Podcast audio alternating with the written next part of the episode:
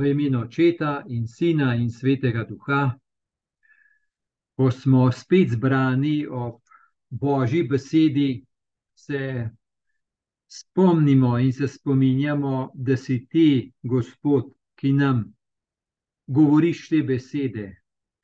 Da niso to katere koli besede, ampak so tvoje, in niso kakršne koli besede, ampak takšne, da nam govorijo o tvojem odrešenju. In včasih so besede tudi kritične, zato da nas očiščujejo, očiščujejo naš pogled in s tem naša življenja. Tako te prosimo, naj te tvoje besede sprejmemo v vsej odprtosti in ponižnosti, zaupajoč, da nam imaš kaj pomembnega povedati po svoji besedi. Amen.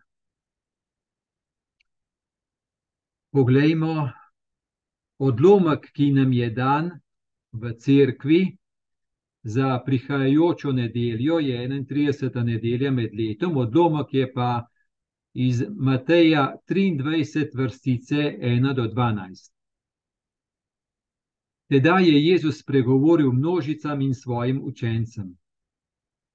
Mojzesov stol so zasedli pismovki in farizeji delajte vse in se držite vsega, kar vam rečejo, po njihovih delih pa se ne ravnajte. Govorijo namreč, pa ne delajo. Vežijo težka in neznosna bremena in jih nalagajo ljudem na rame, sami pa jih še s prstom nočijo premakniti. Vsa svoje dela upravljajo zato, da bi jih ljudje videli, napravljajo si širše molitvene jermene in podaljšujejo robove na obleki, radi imajo časno mesto na gostijah, prve sedeže v shodnicah, pozdrave na trgih in da jim ljudje pravijo učitelj. Vi pa si ne pravite učitelj, kajti eden je vaš učitelj. Vi vsi pa ste bratje, Tudi na zemlji nikomur ne pravite oče, kajti eden je vaš oče, tak je v nebesih. Tudi se si ne pravite vodnik, kajti eden je vaš vodnik, Kristus. Največji med vami naj bo vaš strežnik. Kdor se bo poviševal, bo ponižan, in kdor se bo poniževal, bo povišan. No, najprej, kje najdemo te Jezusove besede? Po Jezusovem slovesnem vhodu v Jeruzalem, ko je šel v tempelj, ga očistil, je potem uh, sledijo, no, sledijo Jezusovi govori, in uh, v teh govorih marsikaj takega pomembnega in bistvenega pove. Mi imamo začetek Matejevega 23. poglavja in 23. poglavje je praktično celo tisto znano poglavje, ko Jezus govori farizejem, da, da so hinavci. In so jim reče tisto gorjebam, farizej in pismovki hinavci. Torej so zelo zahtevne, zelo direktne besede, tako da nas morda presenečajo. Gotovo je Jezus čutil, spoznal, da je potrebno, da uporablja take besede za njih. Mm, gotovo je Jezusu bilo mar za farizeje in jim je hotel pomagati, in jim je namenil tako, tako direktno besedo. No, naš odlomek je začetek tega poglavja, ki bo potem namenjeno farizejem. In kaj pa je v našem odlomku? Kot vidimo, v našem odlomku je Jezus spregovoril množicam in svojim učencem, in kot bomo videli, jih dejansko opozori na farizeje in pismouke, na njihov način. Torej, ljudem dejansko reče in svojim učencem: Bodite previdni, ker vi ne veste, zakaj pravzaprav gre. Vam moram jaz povedati in odstreti eno globino, ker če vi vidite samo zunanjost, pozunanjenost, padete v eno igro, ki ni dobra, ki, nas, ki vas ne vodi v odrešenje, vas ne vodi k Bogu. No, in poglejmo sedaj, kaj Jezus opozori, na kakšen način, kaj reče. Teda je Jezus spregovoril množicam in svojim učencem. Mojzesov stol so zasedli pismovki in farizeji. Delajte vse in se držite vsega, kar vam rečejo, po njihovih delih pa se ne ravnajte. Govorijo namreč, pa ne delajo. Torej, Mojzesov stol pomeni ena inštanca poučevanja ljudstva o postavi, o božji zavezi, in Mojzes je bil za njih največja podoba, največja avtoriteta, torej nekdo, ki je prejel od Boga postavo, torej nekdo, ki jih je izpeljal iz Egipta, oziroma Bog po njem, in ki je dobil od Boga postavo, in se jo zdaj rodovi Izraelcev se je držijo in sledijo, in jim je to postava, Mojzesova postava, torej o življenju, o odnosih, o morali, o vrednotah, še posebej pa o veri, o odnosu z Bogom, kdo je Bog, kakšen je Bog. Torej, vse to jim je bilo dano, zato da so ljudje ohranili odnos z Bogom in živeli tudi eno božjo željo za eh, medsebojno povezanost. No, in farizeji in pismovki so bili študirani, oni so to študirali in so ljudi poučevali. In kaj Jezus reče? Torej, Jezus reče: Držite se tega, kar vam rečejo, po njihovih delih pa se ne ravnajte. Torej, Jezus jih prav opozori, reče: Mojzesov nauk, ki ga oni posredujejo, v redu, poslušajte ampak ne gledati njih, kako živijo, ker oni pravi, kot Jezus reče, govorijo namreč, pa ne delajo. In v čem je ena taka past? Jezus tako pravi: vežijo težka in neznosna bremena in jih nalagajo ljudem na rame, sami pa jih še s prstom nočejo premakniti. kako je to, kako je to šlo. Torej, oni so, smo rekli, so študirali postavo, jo razlagali ljudem, obenem pa um, torej, te razne verske predpise in kako so jih interpretirali, so veliko tega, lahko rečemo, tudi namnožili in razlagali na način, da je ljudi to obteževalo tukaj je dobro, da se malo ustavimo ob tej dinamiki, ki se lahko naredi. Torej, ko imamo tudi mi pred seboj in slišimo o enem idealu, o eni postavi, predpisu, idealu, naprimer, kakšni naj bi bili, kakšna naj bi bila naša popolnost. Torej, so vsi ti ideali lahko zahtevni, zelo zahtevni, zelo visoko postavljeni. Verski ideali farizejev so bili zelo visoko postavljeni. Gotovo je, da oni vendarle so postavo zelo resno izpolnjevali. Prav gotovo so bili tista kategorija ljudi, ali pa ena izmed tistih kategorij ljudi, ki so zelo dosledno izpolnjevali predpise postave. Obenem pa očitno se je zgodilo, da so to delali na način, da so zelo pritisnili, pritisnili na ljudi v tem smislu, tako morate živeti, tako je božja postava. In to so tako natančno vse opisovali, da je očitno bil za ljudi to kar pritisk. Zakaj pritisk? Zaradi tega, ker so ljudje čutili, da vse te zahteve, predpise, kaj vse jim je rečeno, enostavno ne zmorijo. In kaj so ljudje doživljali? Ljudje so doživljali gotovo ob tem, eno potlačenost, eno frustracijo, eno obteženost.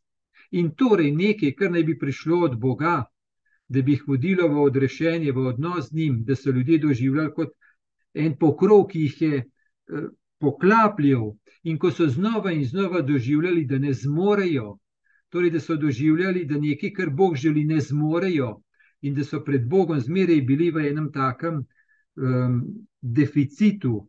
No, to To se je, očitno se je to dogajalo. Pravi Jezus, vežijo težka in neznosna bremena in jih nalagajo ljudem na rame, samih pa jih še s prstom nočejo premakniti.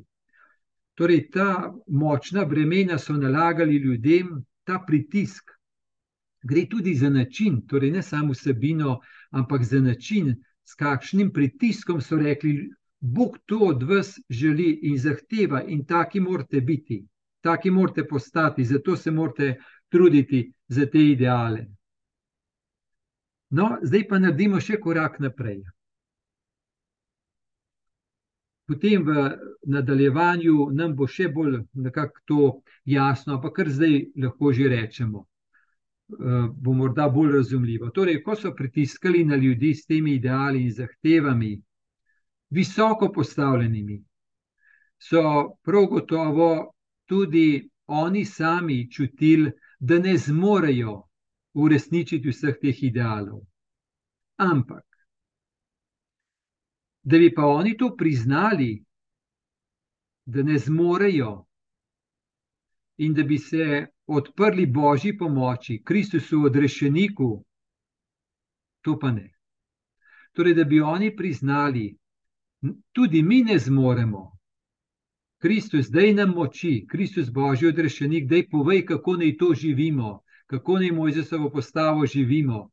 No, tega pa niso zmogli. Torej, oni so hoteli ostati ene duhovne avtoritete v očeh ljudi in so potem tudi z raznimi manevri, ki bodo potem rečeni v tem našem odlomku, so zravni, z raznimi manevri, oblekami in tako naprej, hoteli nekako ostati na tem piedestalu, na tem oltarju duhovnih avtoritet, in da so ljudem se taki kazali kot strašanske duhovne avtoritete, niso pa mogli priznati pred ljudmi in pred Bogom, še posebej pred Kristusom, mehni smo, nemočni smo, potrebujemo tvojo pomoč.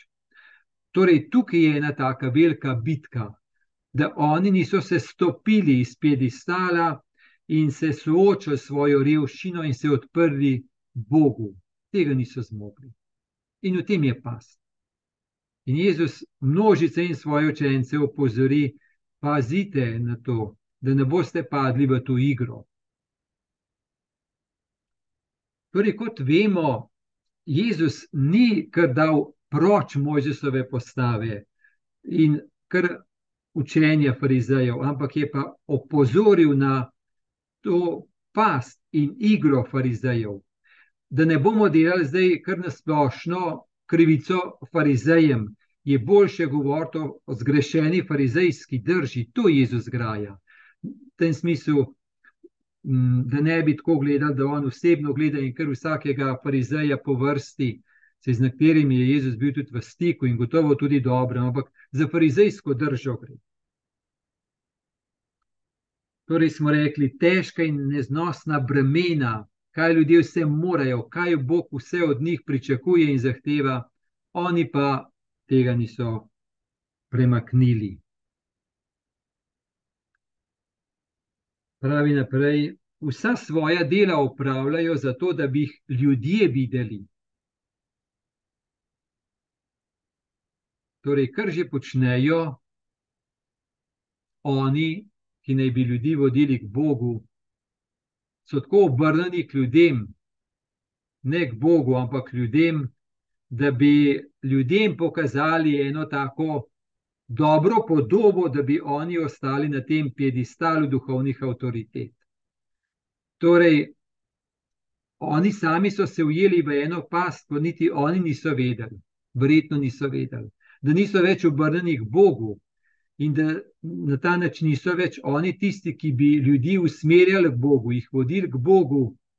Torej, če so ljudje, potem oni, potem Bog, so se oni postavili tam noter vmes in še to tako močno vmes, da ljudje na mesto, da bi vodili k Bogu in se oni odmaknili, so oni bili kot en tak zid. In so sebe tako močno postavili, postavili da so se potem torej tudi oni ustavili v to igro do ljudi. V Matejevem evangeliju imamo to večkrat poudarjeno, naprimer bom prebral par vrstic iz Matejevega šestega poglavja, kjer um, tako reče. Glejte, da svoje pravičnosti ne boste izkazovali pred ljudmi, da bi vas videli, sicer ne boste imeli plačila pri svojem očetu, ki je v nebesih. Kadar torej daješ miloščino, ne trobi pred seboj, kakor delajo hinavci po shodnicah in ulicah, da bi jih ljudje hvalili. Resnično povem vam, dobili so svoje plačilo. Kadar pa ti daješ miloščino, naj ne ve tvoja levica, kaj dela tvoja desnica. Tako bo tvoja miloščina na skrivnem in tvoj oče, ki vidi na skrivnem, ti bo povrnil. Torej, to Jezus reče, za odnos z Bogom gre da z njim poravnavaš račune, da za njim v njem to delaš, da se ne ujameš v past ene navideznosti pred ljudmi. No, in to, kar Jezus v šestem poglavju govori, govori gotovo okrog nas, za nas. Torej, to je ta past, da v verskem življenju, ko gre za odnos z Bogom, jasno, skozi odnos z Bogom, tudi za medsebojni odnos, ampak to, da se lahko zgodi, da se ujamemo v eno svojo javno podobo, podobo pred ljudmi, in da to hočemo obdržati, in da nam je to glavno, edino, najbolj pomembno in najbolj absolutno. Ne pa Bog, ki je res edini pomemben in edini absolutni.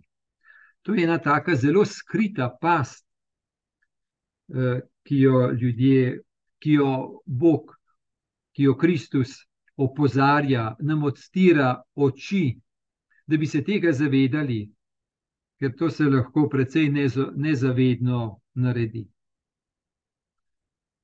Torej pravi, v našem odlomku vsa svoja dela upravljajo zato, da bi jih ljudje videli. Napravljajo si širše molitvene jermene, in podaljšujejo robove na obleki. Torej, kaj tukaj reče? Torej, oni so imeli, če gremo v Jeruzalem, naprimer, vidimo te ortodoksne jude, ki ko, ko molijo v shodnicah ali pa tudi pri, ži, pri zidu žalovanja, kako imajo molitvene jermene um, in kako torej na levo roko Eh, zavijajo ene take škatlice, v katerih so povzetki postave, filakteri se reče tem škatlicam, in torej tisto si navežejo, pa to načelo si to navežejo. No, in torej, gotovo je to ena taka drža, molitvena drža, to se pravi, ena drža zauzetosti za Boga, za postavo. Um, ali pa naprimer pravi, si podaljšujejo robove na obleki, to so take resice, in, oziroma na obleki resice na ogrinjalu, in um, torej te resice so podoba zaveze z Bogom. In imajo gotovo en močen pomen, ampak vse lahko razumemo, kaj to pomeni. Oni se lahko, oziroma da ne bomo samo o njih govorili, Človek si lahko naveže tistih škatlic, pa jermenov, še pa še. Ampak, je pa za vsem tem ena globina odnosa z Bogom, pripadnosti Bogu, no, to je pa drugo vprašanje. Tako je, ne?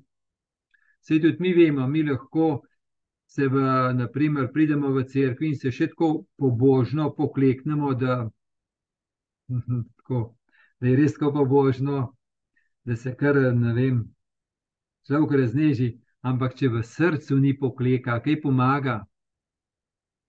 Zato gre. Tudi, tudi um, torej je lahko nekaj navidezno. In v čem je past? V pasti je v to, da se človek iz svoje notranjosti gre v zunanjost in reče: No, vse je dovolj, da v cerkvi pobožno pokleknem in je že vse urejeno. Torej, to, ne, da, se, da se človek ujame v to zunanjost in to zunanjost, ki jo človek na vzven vidi, ali pa ki jo ljudje vidijo, in misli, da je to dovolj. Dejansko je pa vse to samo ena pot k Bogu, eno sredstvo Bogom, k Bogu. Past pa je, da to lahko predstavlja cilj in da je že dovolj.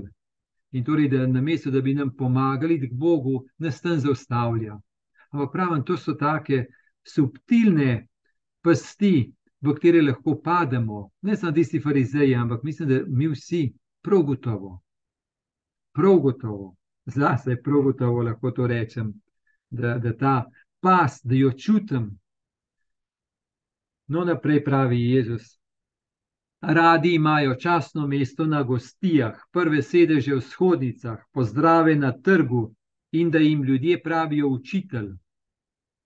Torej, smo rekli, ujet se v eni taki podobi pred ljudmi, podobi, ki je občudovana, spoštovana in da jih ljudje tako občudujejo za eno veliko, da to pa so ne, in da je to za vso to fasado, da je v njih ena strašanska polnost. In um, torej so posebna mesta v tisti kulturi, so bila, ki nam je to blizu, častne mesta na gostijah, prve sedeže v shodnicah, pozdravi na trgih in da jim ljudje pravijo učitelj. Ne? Rabi, torej ta rabi, učitelj. Ta izraz očitno v tisti kulturi, v tistem sistemu religioznem je pomenil res veliko. Ne? Če je nekdo bil imenovan tako v javnem prostoru, ja, rabi, to je gotovo bilo tako časno, da nekdo, ki je bil imenovan, rabi, se edino lahko tako nekako potolažil s takim izrazom, kot je bil naslovljen.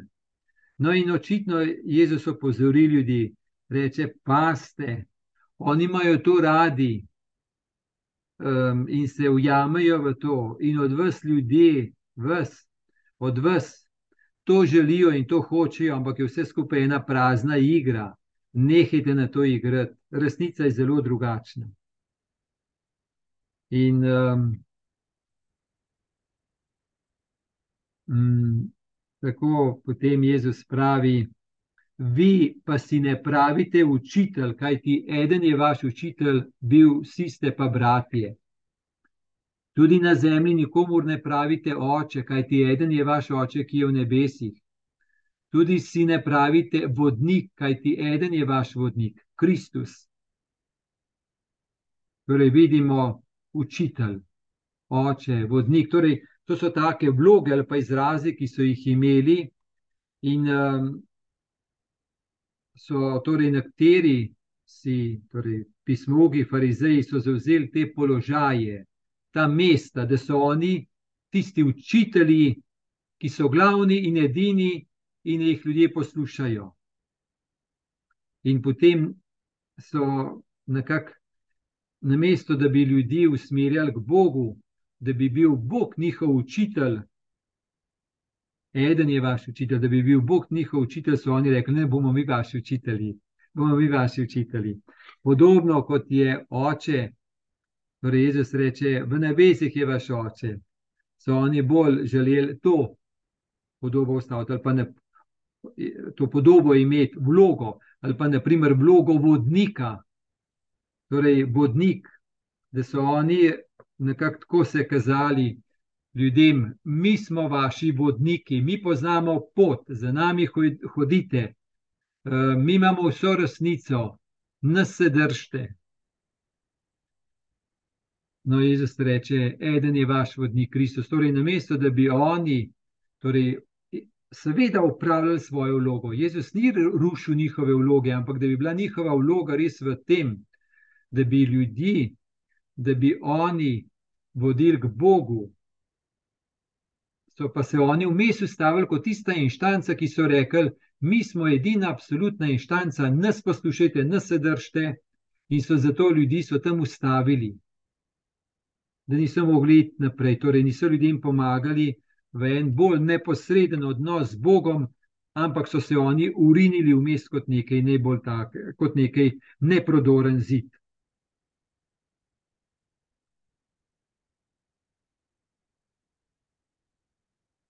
Bom tukaj uh, citiral Aug svetega Augustina. On je enkrat v eni pridigi zelo zanimivo rekel.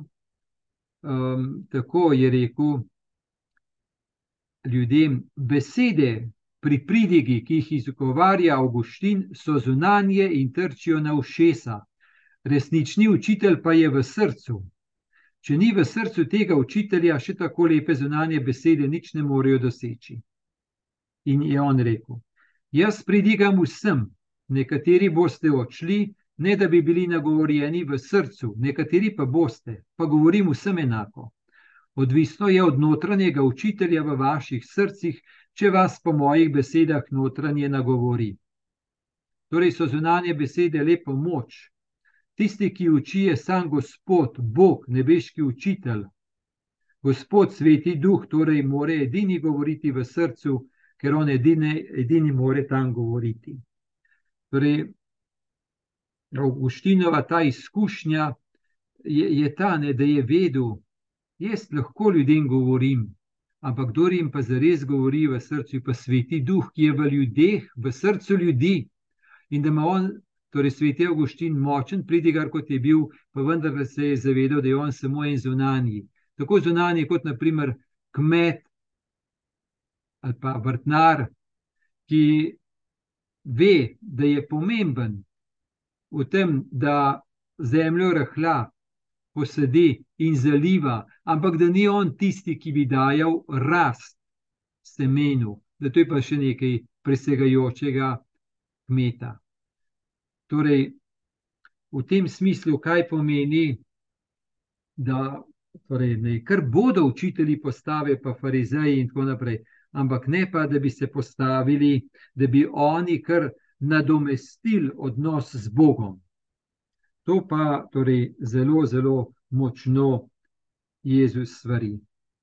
Papež Benedikt je v zvezi s tem odlomkom enkrat tako rekel: Ko duhovnik obhaja v gospodovem imenu in v njegovi osebi, ni duhovnik tisti, ki je v ospredju, temveč kot služabnik, kot preprosto orodje, ki kaže na Kristusa, saj se Kristus sam daruje za zveličanje sveta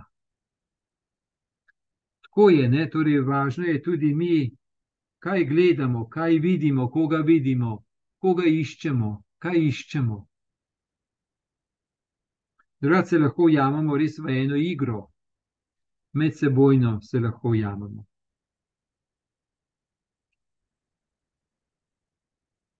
Jezus zaključi ta stavek.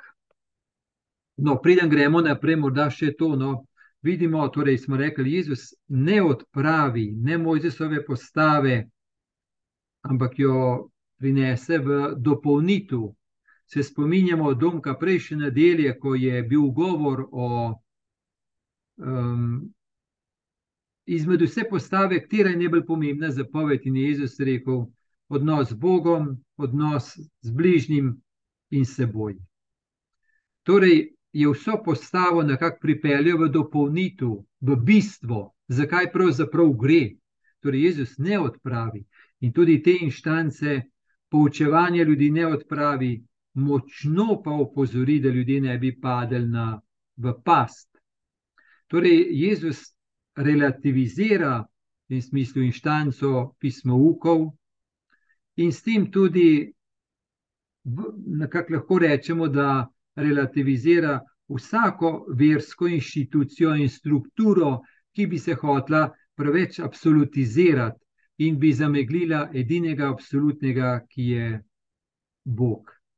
Torej, ki je nebeški oče in smo mi povedeni v odnos z nebeškim očetom po Kristusu v moči svetega duha.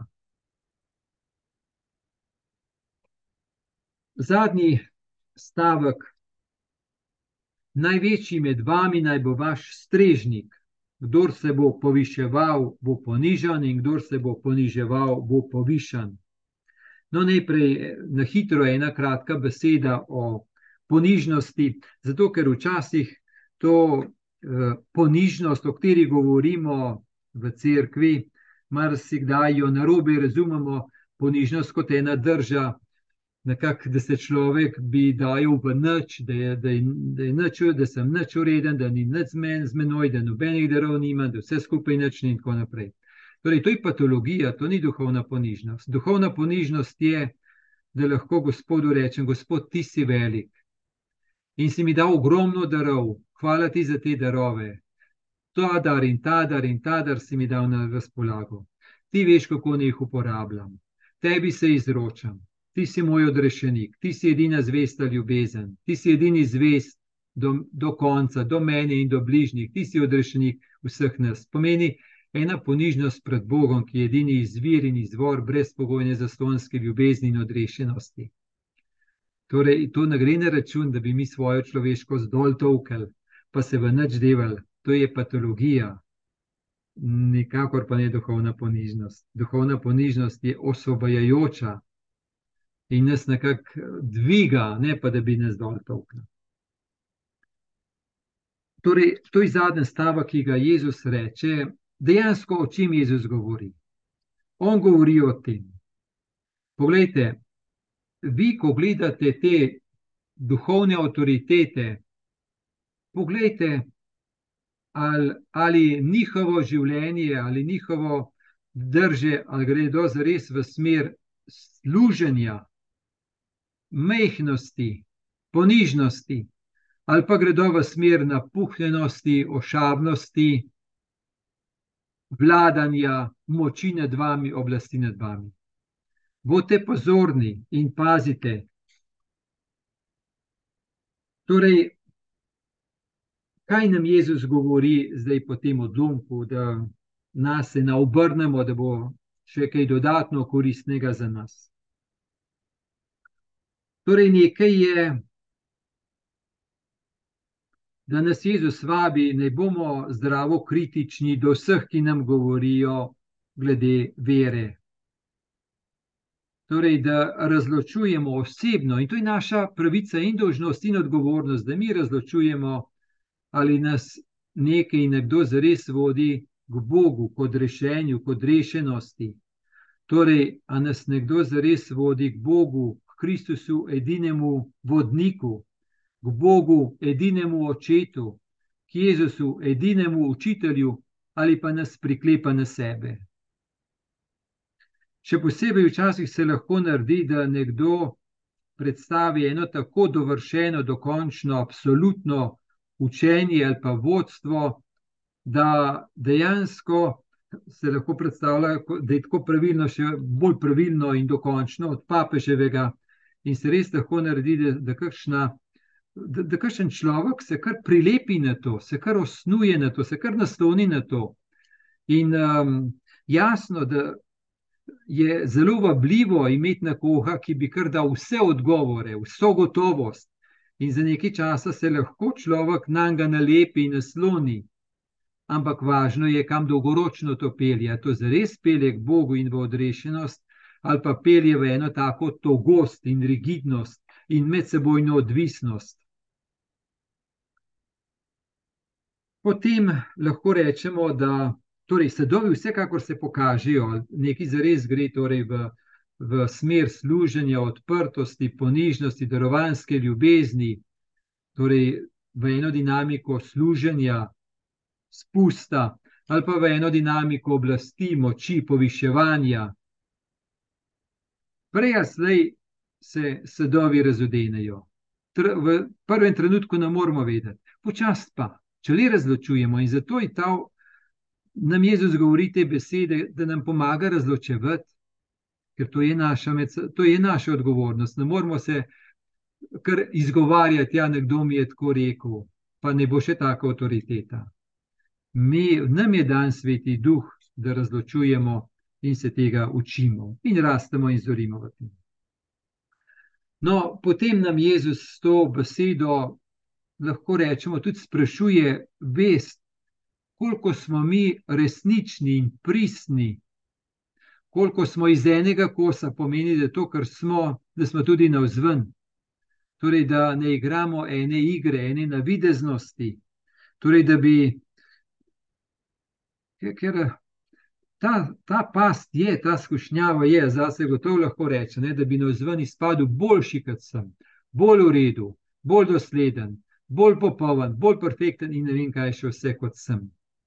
In se lahko je ta past Torej, da bi človek kar igral pred ljudmi eno nevideznost, eno, eno tako igro, in uh, tako si lahko naoblečemo eno eno, eno podobo, eno javno podobo, en javni jaz, ki je pa lahko zelo zavajajoč za ljudi, pa tudi za nas. Se na koncu gre za nas, da mi živimo lažno, navidezno in da ne živimo tega, kar, je, kar nam Kristus daje, božjega življenja, torej pristnega, avtentičnega, ki je ena božja ljubezen, ki nam je dana in nas priteguje v odnos s Kristusom, torej z virom očetove ljubezni, ker to je naš prostor polnega življenja, božjega kraljestva, božjega življenja, odrešenosti.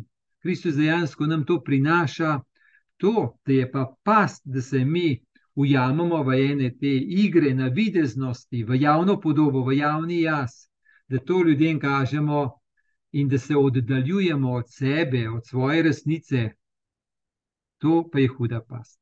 Tako da je mnogo bolje prepoznati, priznati, sprejeti lasno revščino in se močno odpreti in zahrepeneti po božji ljubezni, ki nam je dana v Kristusu in ki edina nas more napojiti očistiti, prečistiti.